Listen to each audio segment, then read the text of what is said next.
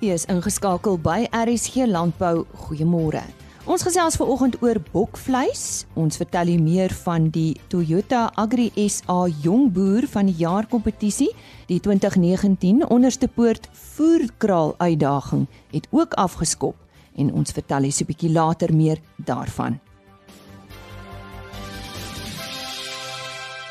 Professor Carlo van der Westhuizen is die sameroeper van die Toyota Agri SA Jong Boer van die Jaar kompetisie wat elke jaar gehou word. Hy is ook 'n tegniese adviseur vir Toyota. Ek het met hom gesels oor die kriteria van die kompetisie en ook die ouderdom wat uh, sedert verlede jaar aangepas is. Ja, Lise, die die die perk is is opgeskuif laas jaar op versoek van Agri Suid-Afrika van 35 jaar na 40 jaar oud. So die die kandidaat moet 40 jaar wees uh, of jonger op die dag wat die provinsiale kompetisie se inskrywing sluit. Met ander woorde, as hy nou da, um, met die nasionale beoordeling al 40 jaar in 'n uh, of uh, 41 is, dan maak dit baie saak nie. Dan maak dit glad nie saak nie solank hy net nog 40 is terwyl die die onderskeie provinsies se sluitingsdatum uh, is ja. Wat is die belangrikste kriteria as jy net dit met ons kan deurgaan? Veral vir die mense wat dalk iemand wil nomineer, dan weet hulle watter kandidaat staan 'n kans. Goed, ek dink die die die belangrike ding uh, uh, is in die kompetisie, een van die belangrike faktore is is dat die dat die kandidaat of die jong boer dan dan ook self baie besluite neem, meeste van die besluite neem op die plaas uh, en verantwoordelik is vir die vir die vir die bestuur van die van die plaas. Uh so ek dink die is 'n baie belangrike verantwoordelikheid van die provinsies om kandidate te nomineer wat hulle geverifieer het wat wel betrokke is by die boerdery en met ander woorde die die uh hoofbesluitnemer is in die boerdery op dan op seker in sekere vertakkings met ander woorde as die as die jong boer saam met sy pa boer en uh en sy pa hanteer sy maar die skape en die beeste en hy hanteer die saaiery dan kyk ons natuurlik nou net na die saaiery maar dan moet hy geheel verantwoordelik wees vir die vir die saaiery met ander woorde vir die produksie, die bemarking, die, die finansies en die personeelbestuur van van daai van daai vertakkings waar waar waarvoor hy verantwoordelik is. So dis baie belangrik dat dat die provinsies dit mooi uitklaar voordat hulle 'n kandidaat nomineer. Maar nou weet ek daar is in die verlede ook uh, wenners gewees wat plaasbestuurders is, is ek reg? Ja, natuurlik is dit ook vir plaasbestuurders ook So dit gaan dit gaan oor enige boer hoef nie die boer hoef natuurlik nie sy eie grond te hê nie. So dit is ook vir vir plaasbestuurders en en eienaars. Uh, ons maak geen onderskeid tussen dit tussen dit nie solank daardie persoon die besluite neem. Dit is die belangrike ding wat ons ons kyk in die kompetisie na sy bestuursfilosofie met ander woorde wat wil hy bereik die tegniese vaardigheid waarmee jy dit uit dit uh dit uitvoer jy, jy weet hoe want mens kan baie goeie planne hê maar as jy dit nie kan uitvoer nie dan dan kom dit tot niks nie. En dan wat neem hy als in in ag wanneer hy sy besluite neem uh tydens die proses so watse alternatiewe is daar? Hoekom het hy gekies wat hy gekies het en wat wat sou die geval gewees het as hy 'n ander uh filosofie 'n ander uh, produksiestelsel byvoorbeeld gekies het vir die betrokke vertakkings gaan dit oor meer as net boerdery. Gaan dit oor um hoe is ek by my gemeenskap betrokke? Hoe is ek by my familie betrokke? Want ek weet julle kyk daarna ook. Ja nee, ons kyk natuurlik na baie faktore. So die gemeenskapsbetrokkenheid is ook belangrik want die boer moet 'n verskil maak in sy omgewing en die boere moet trots wees op die ouende op hierdie wenner wat hulle wat aangewys word. Met ander woorde, as as 'n boer isolasie boer en glad nie met gemeenskap of ander boere betrokke is nie eh, dis nie baie ideaal nie want want ons het wel gevind ook ook in, in die navorsing dat byvoorbeeld die groepe en die deel van inligting is wat uh, die grootste eh, faktor is wat verantwoordelik is vir verbetering van bestuursprestasies. So boere se betrokkenheid in die gemeenskap is baie is baie belangrik. So ons kyk ons kyk natuurlik na die na die finansies van die boere. Hy hoef nie hy hoef nie al die die boeke self te doen nie. Meeste groot boere het het iemand wat hulle boeke doen. So ons verwag hy moet die hele dag dit doen nie, maar hy moet wel weet wat wat aangaan. So hy moet weet wat sy wat sy bruto marge van sy vertakkings wat hy hy hy gaan nou sekere vertakking kies en wat is die wat wat is die verwagte uh winsgewendheid van daai betrokke vertakking in vergelyking met ander want as hy keuse maak moet hy tog besluit hy gaan sê maar soveel milies en soveel sonneblom en soveel sojabone plant en hoekom het hy daai besluit gekies geneem en jy weet hoe wat se wat se geleentheidskoste verbeur hy dalk maar om risiko te verminder uh, is dit dalk 'n beter opsie. So as hy nie weet wat die wat die onderskeie winsgewendheid van al die vertakkings is nie uh en van beeste en so meer as as hy mieliesplante beland, maar hy kon eerder aangeplante weidings geplant het en, en beeste daarop gevoer het of skape of lammers en verkoop het kon hy dalk meer geld per hektaar gemaak het. So so die winsgewendheid die die die inkomste per per per vertakking per per eenheid is baie belangrik. Ons kyk ook natuurlik na sy produksie, sy produksiepraktyke daar, sy legio goed wat 'n mens wat 'n mens daar bereken, sy bemarking, sy finansiering uh van sy van sy van sy plaas en van sy uh sy insetkoste en so meer. Ons kyk na sy personeelbestuur want want geen want jy's net so goed soos jou personeel is. So dit is natuurlik van kardinale belang sy filosofie daar. Ons kyk ook na sy onderhoud want as hy moet plant, moet die moet die planters reg wees. Uh of, of sy drade moet moet die beeste inhou. Uh en so meer sy paai moet daarom gangbaar wees dat sy vragmotors nie uitmekaar uitskit nie. Sy onderhoud is ook baie belangrik en dan betrokkenheid by die georganiseerde landbou omdat Agri SA se kompetisie is, moet hy lid wees van Agri SA vir minstens 'n jaar 'n lid wees gewees het van Agri SA voor hy mag inskryf en dan gemeenskapsbetrokkenheid. So so ons kyk na verskeie aspekte en al hierdie hierdie faktore tel dan verskillende gewigte. Uh so sekere goed is meer belangrik as ander. Ehm um, ag netheid van die is belangrik maar dit tel absoluut 'n fraksie van 'n persent. So dit is nie dis nie dis nie belangrik nie. Dit beïnvloed nie die die wenner uh noem ons waardig hoegenaamd nie. Uh maar dit is tog lekker as 'n mens sien 'n boer is netjies dan dan beteken dit sy goed is agter mekaar. Maar soos ek sê dit tel maar 'n klein fraksie. As mens kyk byvoorbeeld na mooi trekkers of so, dit is natuurlik vir ons ook mooi as beoordelaars, ons is net mense of 'n mooi bees uh of wat ook al, maar maar dit as dit nie geld inbring nie, trekker byvoorbeeld kyk ons eerder na die hoeveel kilowatture wat hy wat hy het per hektaar bewerkbare grond en of die implemente en die trekkers genoegsaam is om die werk bepaalde in 'n beperkte tyd gedoen te kry. So partykeer oorkapitaliseerde boer wat dan geen optel uh want hy kon die die geld andersins aangewend het. So 'n mooi trekker is nie noodwendige uh indikasie van 'n van 'n goeie boer nie. Maar natuurlik is dit nodig dat dat hy dat uh dat hy op die regte tyd die die regte praktyke kan uitvoer binne 'n beperkte tyd. Nou net om jy af te sluit Carlo, daar is in elke provinsie ehm um, is daar eh, kandidate of mense wat as uh, beoordelaars dien voor hulle by julle uitkom en is dit uh, dit dit kom van julle kant af as ek reg. So die regte mense is op die regte plekke by elke uh, provinsie. Ja, nee, natuurlik is dit baie belangrik. Ek dink dis die moeilikste taak vir die provinsies om hulle wenners aan te aan, aan te wys.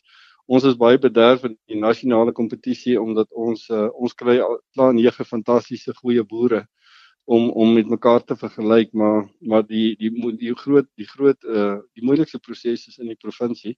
Ek gee wel elke jaar al die kriteria aan al die provinsies deur sodat almal uh al die kandidaate oor dieselfde kam geskeer word. Ons is tans in die proses waar ons weer deur Agri SA met al die provinsies konsulteer om te hoor of daar enige veranderinge wat hulle aan die proses wil aanbring. So ons ons wil graag terugvoer hê van die boere en van die provinsies sodat ons verseker dat die kompetisie relevant bly en dat dat dit aanvaarbaar is vir almal.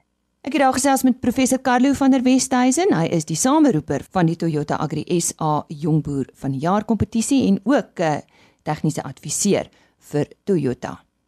Die 2019 onderste poort voerkraal uitdaging het verlede week afgeskop en vanjaar gaan sewe spanne onder leiding van verskeie mentors 'n groep diere in 'n gesimuleerde voerkraal voer vir 105 dae.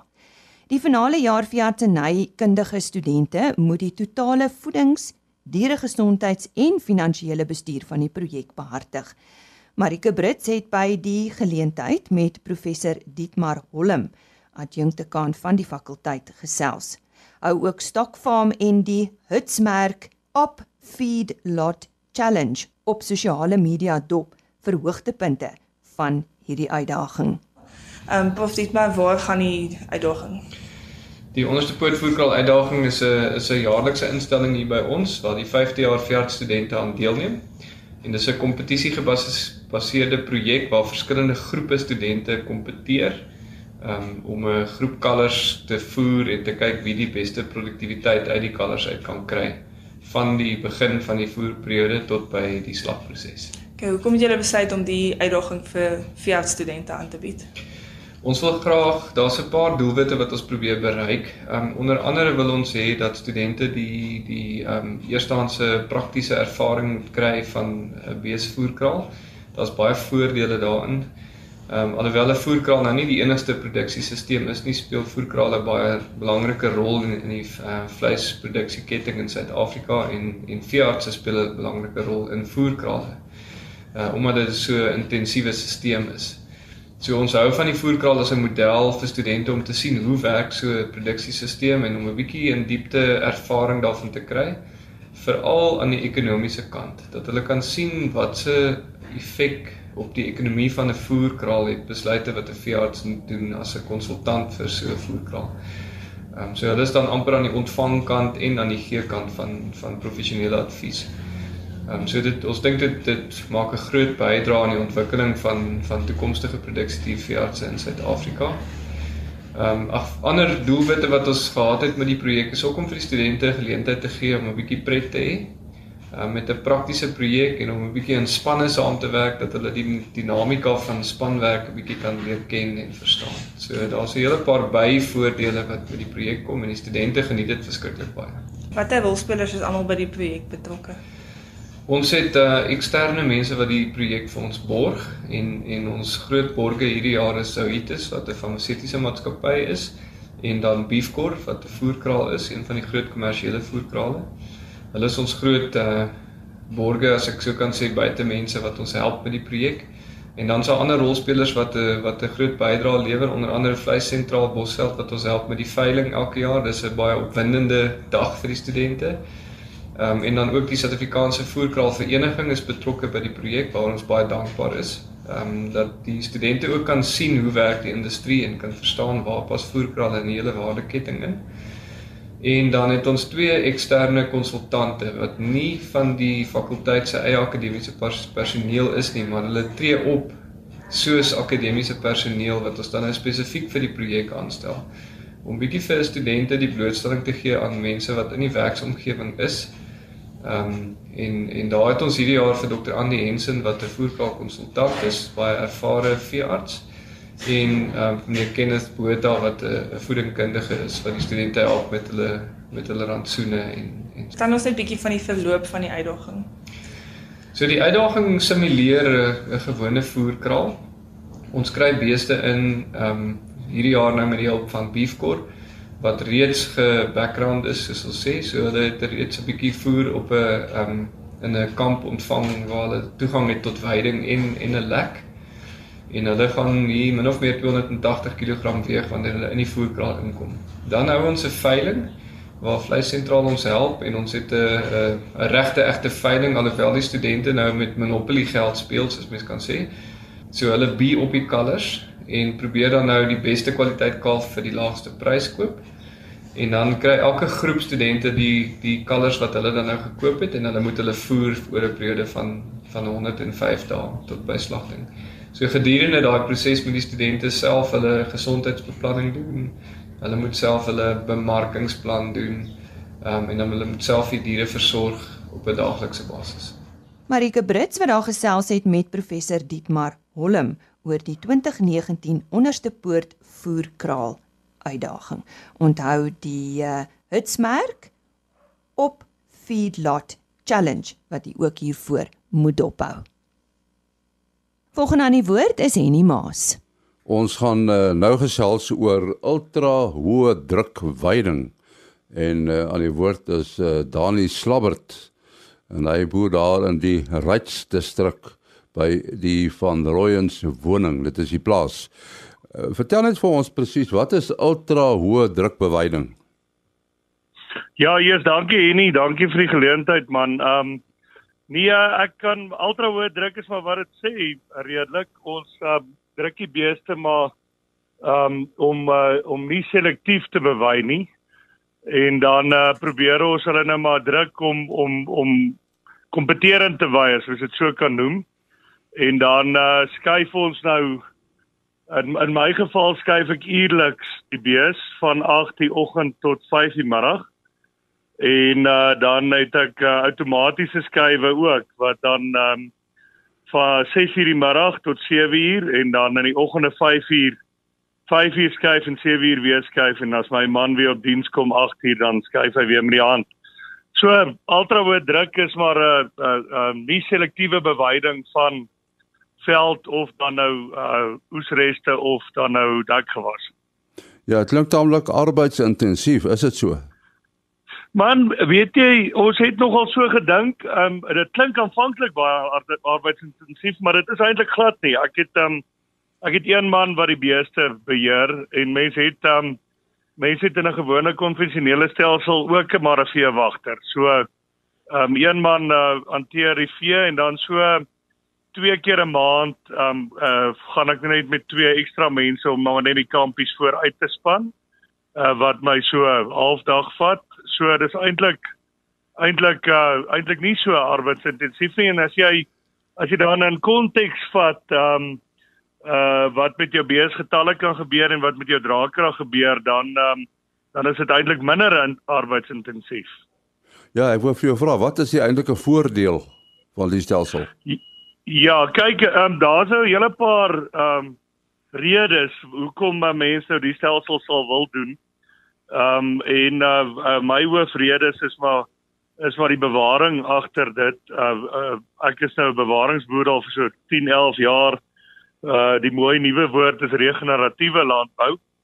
En ons probeer maar ons grond en ons veld opbou om hulle terug te kry na hulle natuurlike status toe waar waar dit 2 of 300 jaar terug was. So um die hele konteks gaan eintlik daaroor om die vee dan nou te druk uh die mesirine die hoefaksie voordeel te kry uh soos wat baie groot troppe wildma in die in die dae voor drade gedoen het en dan nou maar net herstel uh rusperiodes weer in te te bewerkstellig en um, en dan jou draagkragte uh op my op my huidige situasie het ek my draagkrag vir 4 dubbel um in die eerste 12 maande.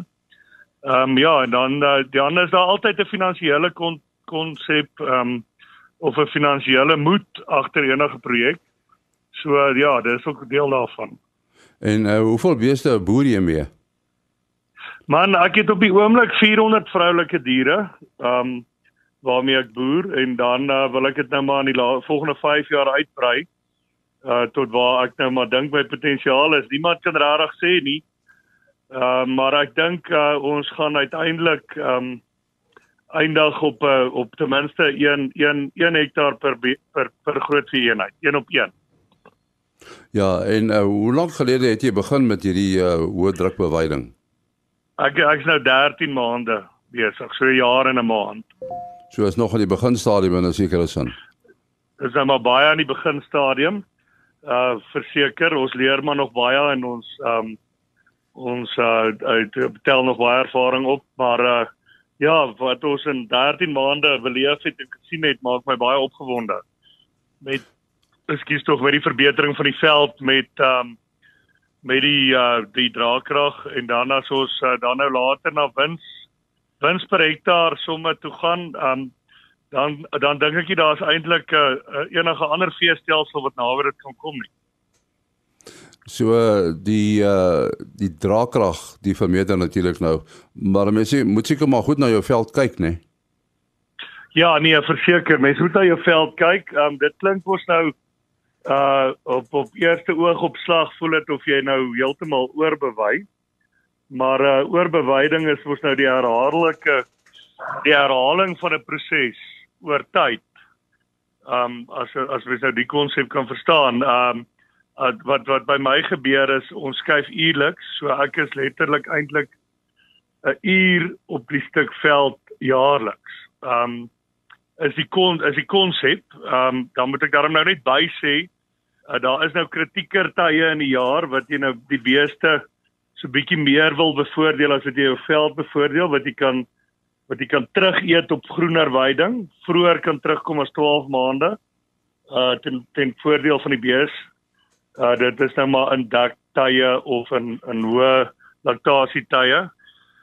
Maar uh die die die basiese konsep is dat jou veld tot in 'n volwasse stadium kom ten minste um ten minste elke 2 jaar en laat ons uh, maar ons reserves kan terugsit wortels toe en ons veld so kan herstel.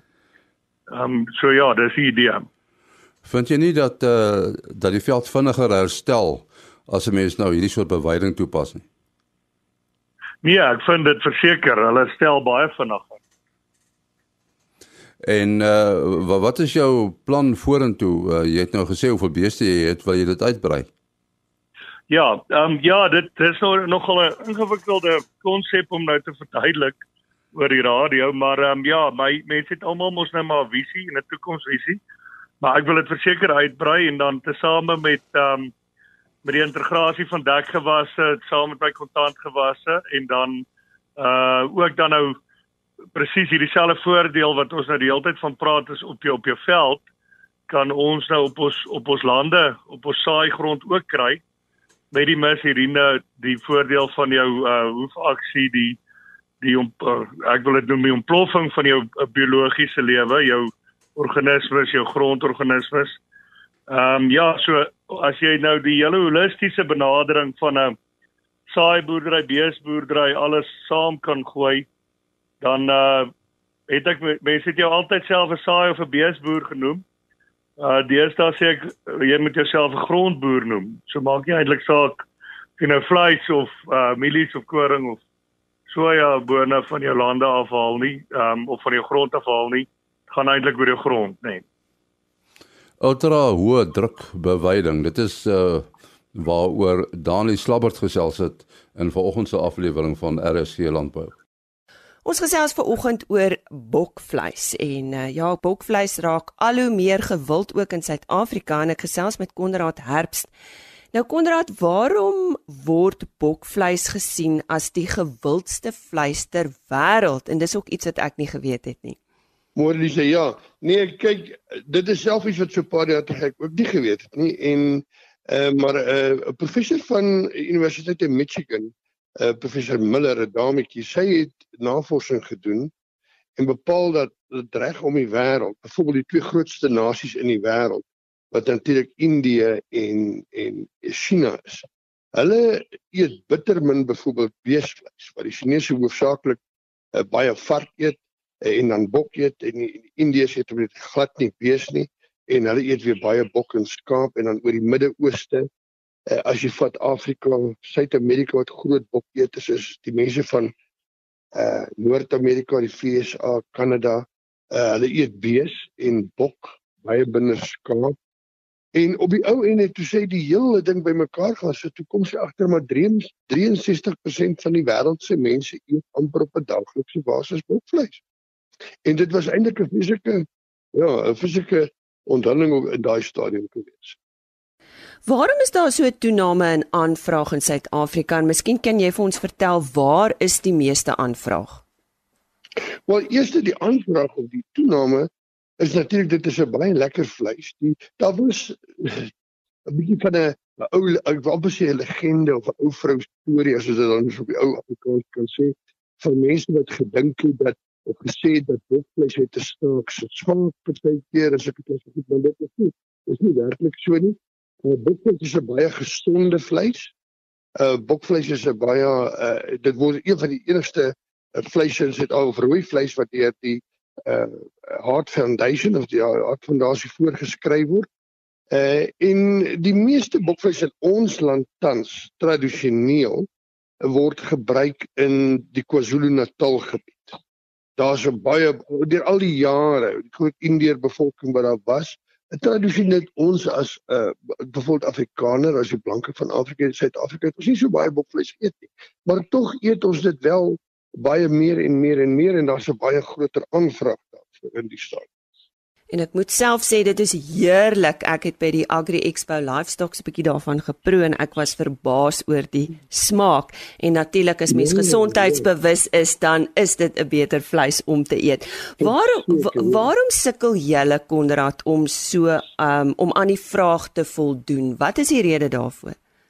Dis ek ek ek wil amper heel voor begin en dit is dat In in wese is enige beesboer of bokboer of skaapboer mos eintlik maar 'n grasspesialis of 'n gras.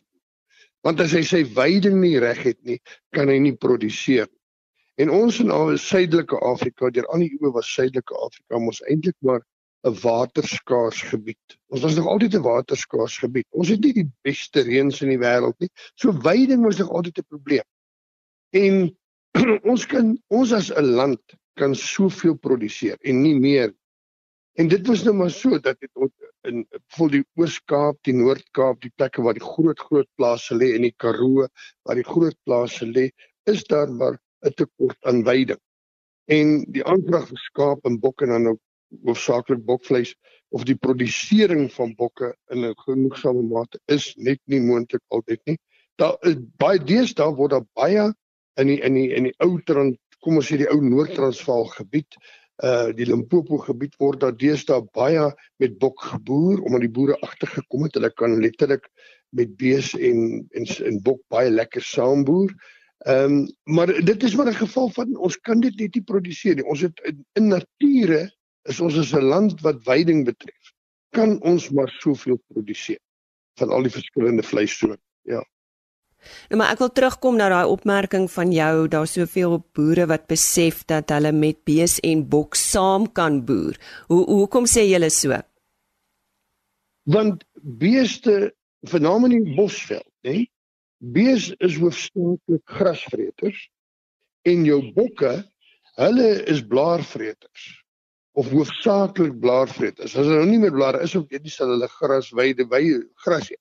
Maar maar dis alom bekend dat dat waar bokke nou en ons het dit oor en oor op bewys waar bokke saam met beeste hier in die bosveld wêreld boer boer maak die bok bokke verbeter eintlik die weiding vir beeste ook. Want bokke maak bietjie oop onder die bome en jy weet op 'n redelike hoogte maak hulle oop om die bome wat son en lig inlaat wat weer gras makliker laat groei wat beter veiding vir die beeste gee. So 'n uh, 'n uh, in in sinergie dit is 'n baie sinergistiese ding hulle werk baie baie mooi saam sowel as die feit dat as jy nou baie mooi daaraan gaan dink het 'n 'n 1000 hektaar plaas waar daar beeste op 'n 1000 hektaar op die vloer geëet het of gewy het is daar eintlik 'n twee plase van net 'n meter van daar af op is daar nog weer 'n hele 2000 hektaar wat gewy kan word.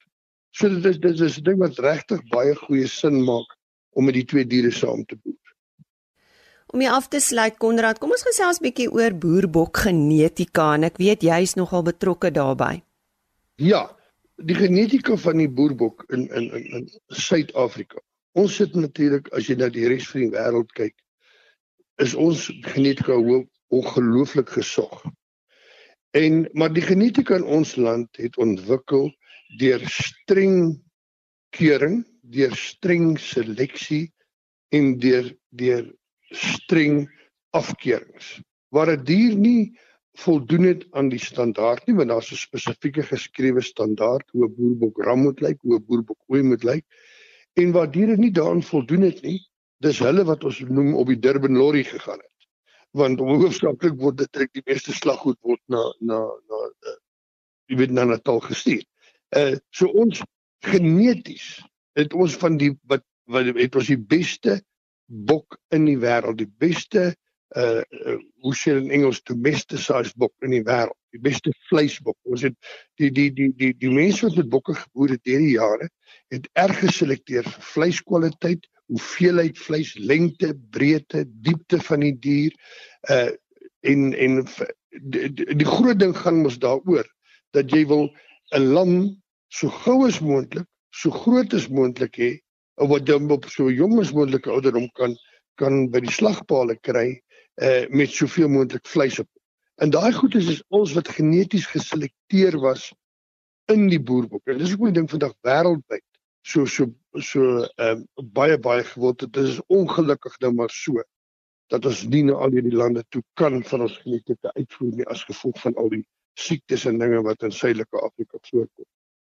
Nou, ons vertrou daar's 'n goeie toekoms vir hierdie bokke en die boere wat daarmee gaan wil boer nadat hulle vir jou gehoor het. Uh ons sê baie dankie aan Konrad Herbst het ons gesels oor uh boerbok vleis wat net al hoe gewilder word plaaslik sowel as in die wêreld. En daarmee groet ons tot môreoggend. Goeiedag vir u verder. Totsiens. RSG Landbou is 'n produksie van Plaas Media. Produksieregisseur Henny Maas. Aanbieding Lisa Roberts en inhoudskoördineerder Jolandi Root.